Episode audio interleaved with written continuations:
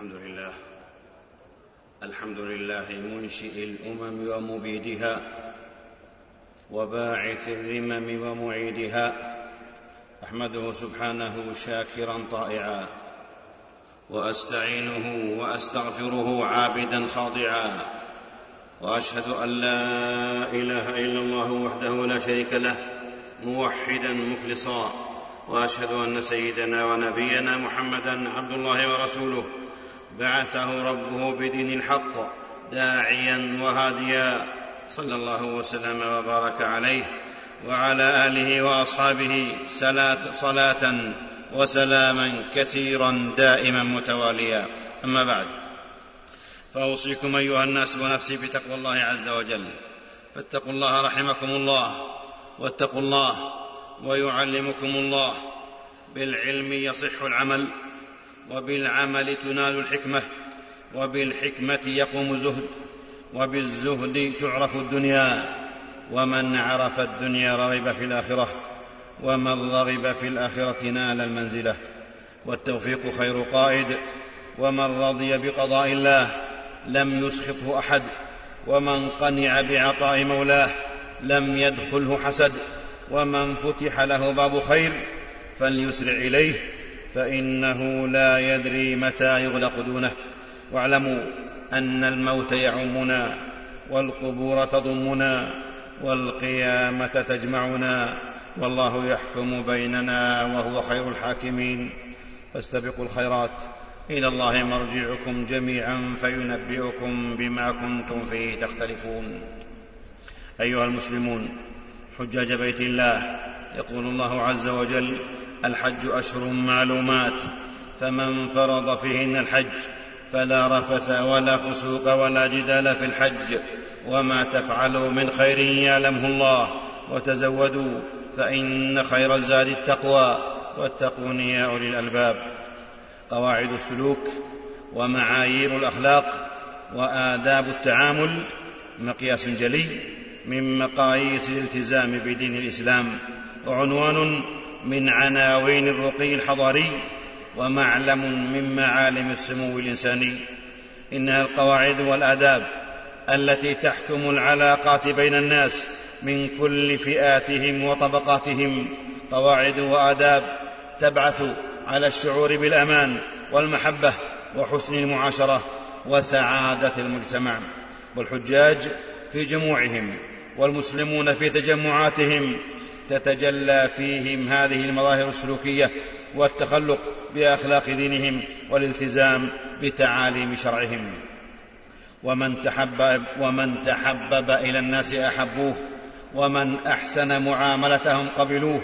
الدماثة وحسن الخلق هي اللغة الإنسانية المشتركة التي يفهمها كل أحد وينجذب إليها الكريم ويحسن الإنصات إليها الحكيم.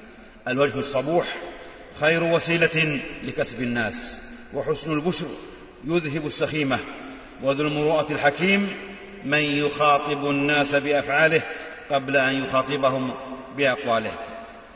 أيها المسلمون معاشر الحجيج وفي ديننا من التوجيهات والتعليمات ما يبني شبكة واسعة من العلاقات المتينة مع الدائرة الأسرية والمجتمعية والدائرة الإسلامية الأوسع ثم الدائرة الإنسانية الأشمل. وفي ديننا كذلك أكمل المؤمنين إيمانا أحسنهم خلقا. أخرجه أحمد وأبو داود والترمذي. وفي الحديث إنكم لن تسعوا الناس بأموالكم وليسعهم منكم بسط الوجه وحسن الخلق. رواه الترمذي والحاكم من حديث أبي هريرة رضي الله عنه بإسناد صحيح. وفي الحديث عند عند مسلم عن عبد الله بن عم عن عبد الله بن عمرو بن العاص رضي الله عنهما عن النبي صلى الله عليه وسلم وآله وسلم قال من أحب أن يزحزح عن النار ويدخل الجنة فلتأته منيته وهو يؤمن بالله واليوم الآخر وليأت إلى الناس الذي يحب أن يؤتى إليه. والناس معادن وطبقات ومنازل ومعاملتهم معاملة واحدة أمر في الحياة لا يستقيم. فما يلائم هذا لا يلائم ذاك وما يناسب هذه الفئة لا يناسب تلك ويحسن مع هذا ما لا يجمل مع, ما لا يجمل مع الآخر. والناس يخاطبون بما يعرفون فالعقول متفاوتة والفهوم متباينة والطباع متغايرة ولله في خلقه شؤون من والد وولد وزوج وأخ ورئيس ومرؤوس وسريع الفهم وبطيئه وحاد الطبع وبارده وقريب الصلة وغريبها في أشخاص وصفات وأحوال من شدة ورخاء وحزن وسرور والأرواح جنود مجندة. وقد قالت الحكماء إذا أردت اصطياد السمك فضع في, في سنارتك في سنارتك ما يلائم من طعام وقد تلائم الديدان لا فاخر اللحوم. أيها المسلمون حجاج بيت الله وهذا عرض لبعض ما حفلت به السيرة المصطفوية والهدي المحمدي والسنة النبوية من أنواع المعاملات والتوجيهات لمختلف الطبقات والشخصيات. كيف؟ وهو المصطفى الهادي البشير. وصفه ربه بقوله عز شأنه وإنك لعلى خلق عظيم. وقال عز شأنه لقد جاءكم رسول من أنفسكم عزيز عليه ما عنتم حريص عليكم بالمؤمنين رؤوف رحيم. وقال جل وعلا فبما رحمة من الله لنت لهم. ولو كنت فظا غليظ القلب لانفضوا من حولك فاعف عنهم واستغفر لهم وشاورهم في الأمر. فإذا عزمت فتوكل على الله إن الله يحب المتوكلين. وأول ما يواجه المتأمل في هذه السيرة النبوية الكريمة والهدي المحمدي معاملته مع أهله وسلوكه في بيته عليه الصلاة والسلام. لقد كان حبيبنا ونبينا محمد صلى الله عليه وآله وصحبه وسلم بشرا من البشر يفري ثوبه ويحلب شاته ويخدم نفسه وكان في مهنة أهله فإذا حضرت الصلاة خرج إلى الصلاة أخرجه البخاري والترمذي. وكان يقول عليه الصلاة والسلام خيركم خيركم لأهله وأنا خيركم لأهلي. أخرجه الترمذي وابن ماجه. ويظن بعض الناس أن الرجولة والشخصية في عبوس الوجه وتقطيب الجبين وإصدار الأوامر والنواهي وتجنب المباسطة في الحديث مع الأهل ومبادلة المسرات وحسن الإصغاء. وحديث أم زرع الطويل كان مسامرة بين عائشة رضي الله عنها وزوجها محمد رسول الله صلى الله عليه وآله وسلم مؤانسة ومباسطة. ومن حسن المعاملة المشاورة في الشؤون الأسرية وغيرها فإن أراد فصالا عن تراض منهما وتشاور فلا جناح عليهما. وشاور النبي صلى الله عليه وسلم زوجه أم سلمة في شأن كبير وهو شأن صلح الحديبية وأخذ بمشورتها. وشاور بريرة في قصة الإفك وهو حدث عظيم مزلزل بل تأملوا وتفقهوا كيف كان تعامله عليه الصلاة والسلام مع أخطاء الناس وغيرة النساء. فحين كسرت إحدى زوجاته صحفة صاحبتها المملوءة طعاما ما كان من النبي الكريم ذي الخلق العظيم عليه أفضل الصلاة وأزكى التسليم إلا أن تعامل برفق مقدرا طبائع النساء قائلا غارت أمكم. فجمع الطعام المتناثر وقال طعام بطعام وإناء بإناء. أخرجه البخاري والترمذي. يقول الحافظ بن حجر رحمه الله وفيه عدم مؤاخذة الغيراء بما يصدر منها لأنها في تلك الحالة يكون عقلها محجوبا لشدة الغضب بسبب الغيرة. يا هذا القوة والعنف والضرب والشدة يقدر عليها كل أحد. أما الحلم والرفق والصفح والعفو والتسامح فليس إلا لذوي الإرادات القوية والمروءات العالية والأخلاق الرفيعة. وما ضرب نبيكم محمد صلى الله عليه وسلم امرأة ولا خادما إلا أن يجاهد في سبيل الله. أخرجه أحمد وأبو داود. أما الأطفال أما الأطفال والصبيان فحدث عن هدي نبينا محمد صلى الله عليه وسلم في ذلك ولا حرج. ومن دقيق الملاحظة في التعامل مع الصغار أنهم لا يفرقون بين أوقات الجد وأوقات اللعب فالطفل يظن أن الوقت كله له وقد قدر الإسلام هذه المشاعر. فها هو رسول الله صلى الله عليه وسلم يحمل بنت بنته في الصلاة فإذا ركع وضعها وإذا قام رفعها متفق عليه. والحسن أو الحسين رضي الله عنهما يرتحل يرتحل النبي صلى الله عليه وسلم ويركب على ظهره وهو في الصلاة. فيطيل السجود حتى يقضي الطفل نهمته. أخرجه أحمد والنسائي.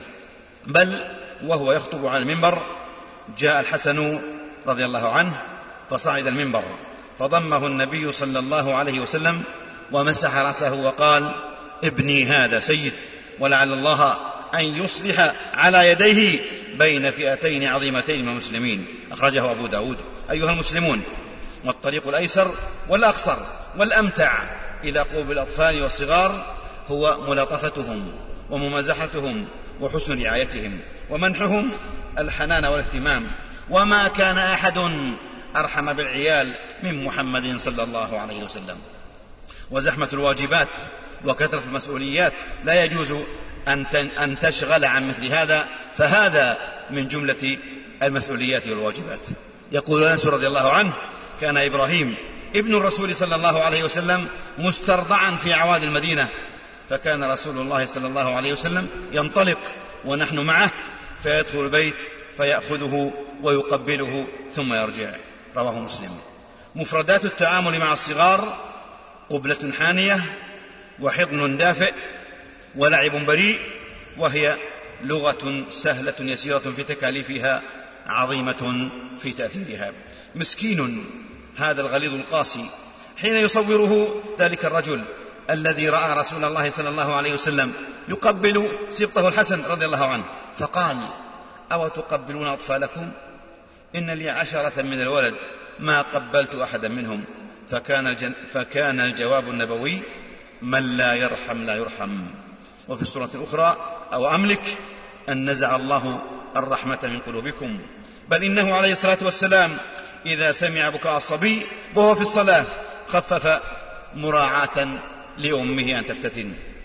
معاشر الأحبة حجاج بيت الله أما التعامل مع الخدم والأجراء والعمال فيجسده.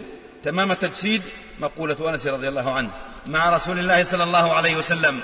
خدمت رسول الله صلى الله عليه وسلم عشر سنين فما قال لي لشيء فعلته لما فعلته ولا لشيء لم أفعله لما لم تفعله وتأملوا هذه الحادثة مع أنس نفسه رضي الله عنه.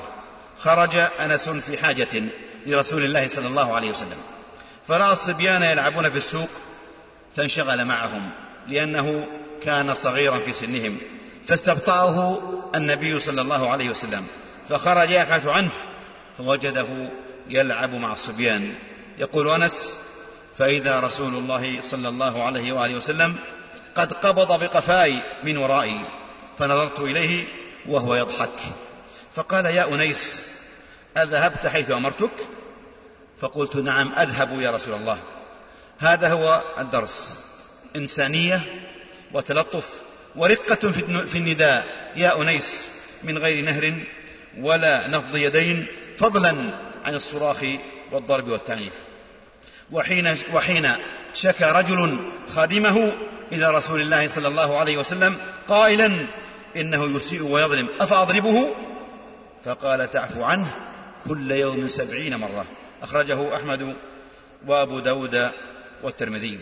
نعم أيها المسلمون إن من أعظم ما يتجلى فيه آداب التعامل وكريم الأخلاق مواقف الناس في معاملاتهم وبياعاتهم ومدايناتهم. رحم الله عبدا سمحا إذا باع سمحا إذا اشترى سمحا إذا قضى سمحا إذا اقتضى. أخرجه البخاري. وإن كان ذو عسرة فنظرة إلى ميسرة. وأن تصدقوا خير لكم إن كنتم تعلمون. ومن سره أن ينجيه الله من كرب يوم القيامة فلينفس عن معسر أو ليضع عنه. أخرجه مسلم. معاشر الحجيج.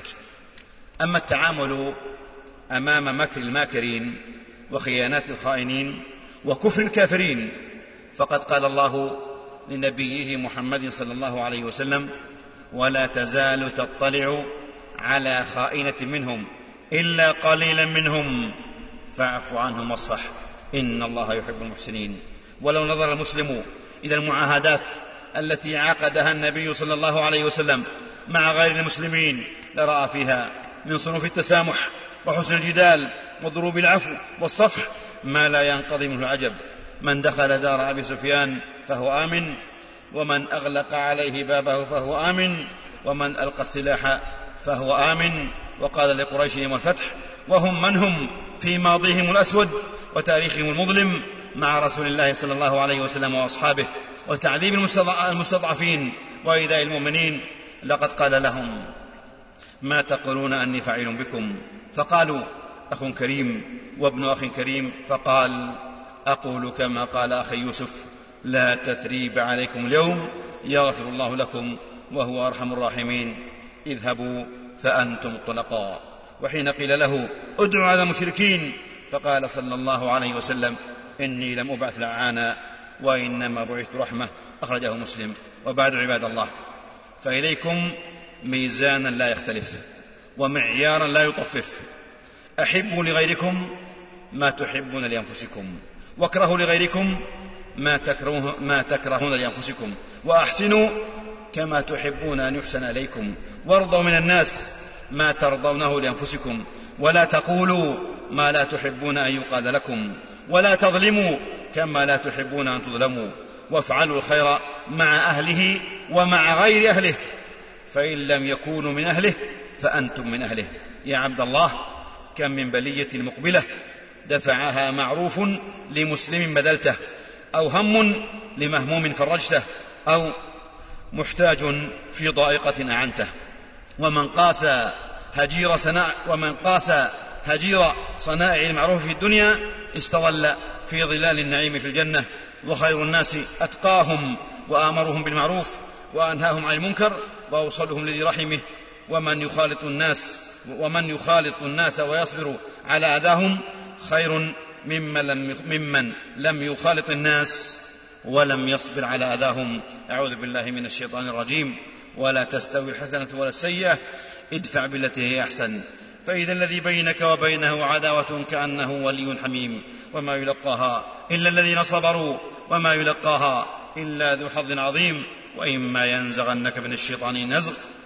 فاستعذ بالله إنه هو السميع العليم. نفعني الله وإياكم بالقرآن العظيم وبهدي محمد صلى الله عليه وسلم. وأقول قولي هذا وأستغفر الله لي ولكم ولسائر المسلمين من كل ذنب وخطيئة. فاستغفروه إنه هو الغفور الرحيم.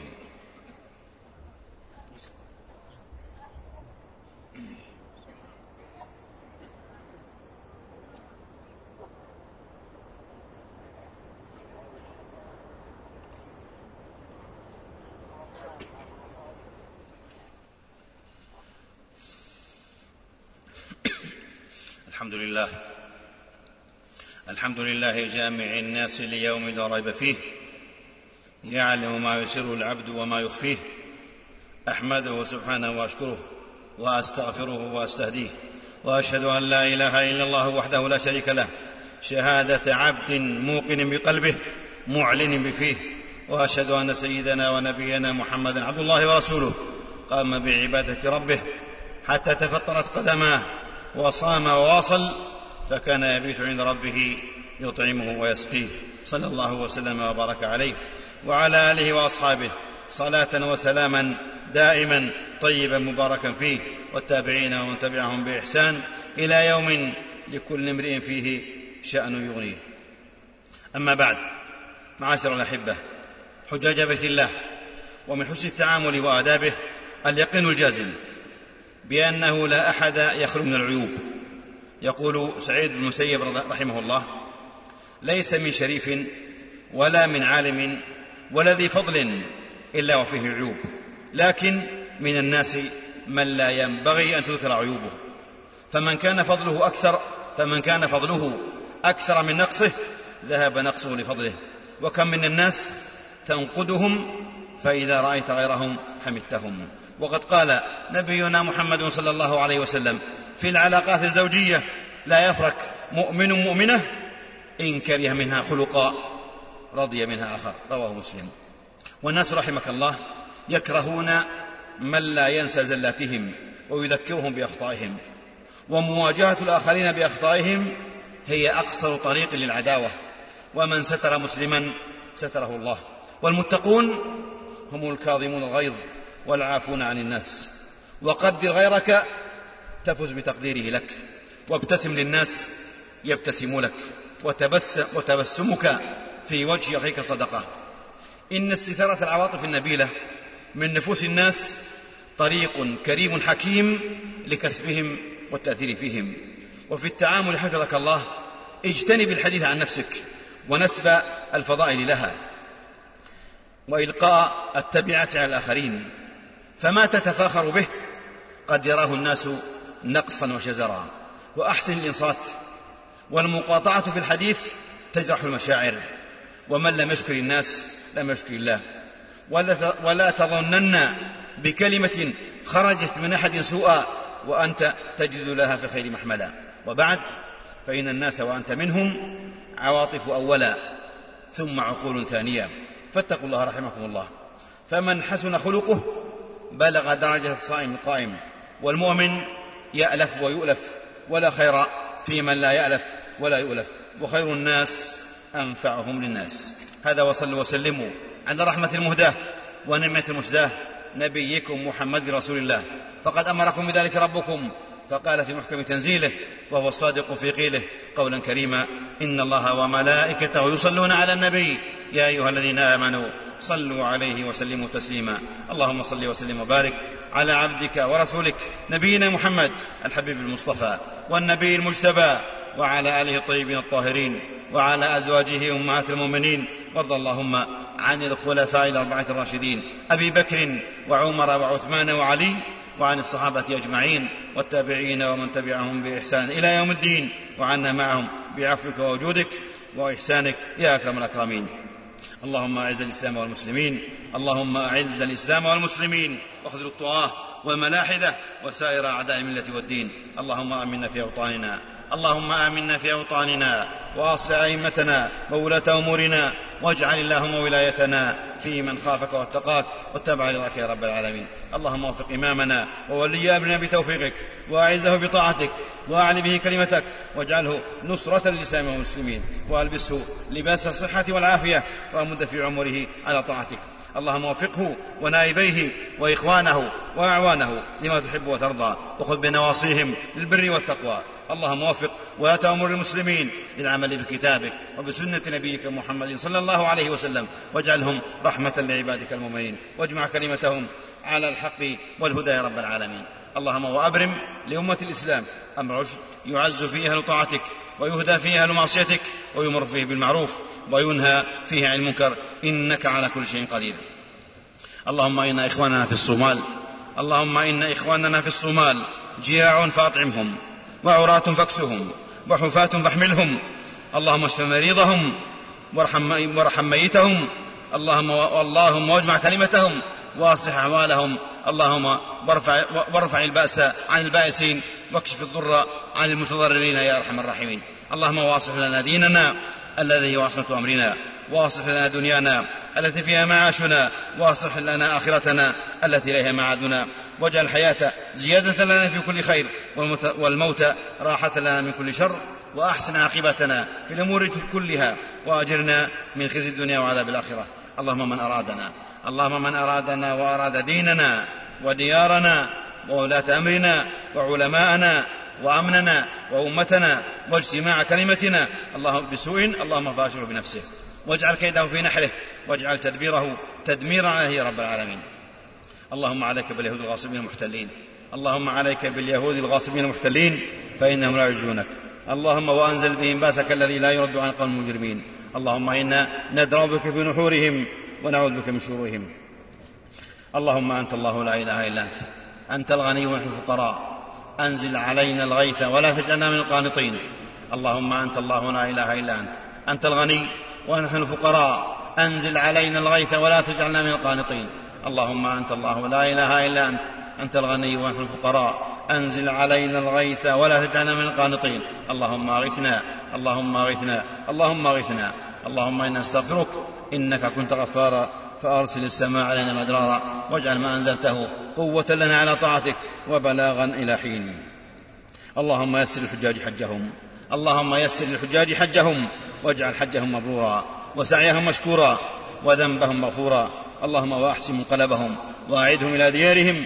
سالمين غانمين مقبورين بمنك وجودك يا أكرم الأكرمين. ربنا آتنا في الدنيا حسنة وفي الآخرة حسنة وقنا عذاب النار. سبحان ربك رب العزة عما يصفون.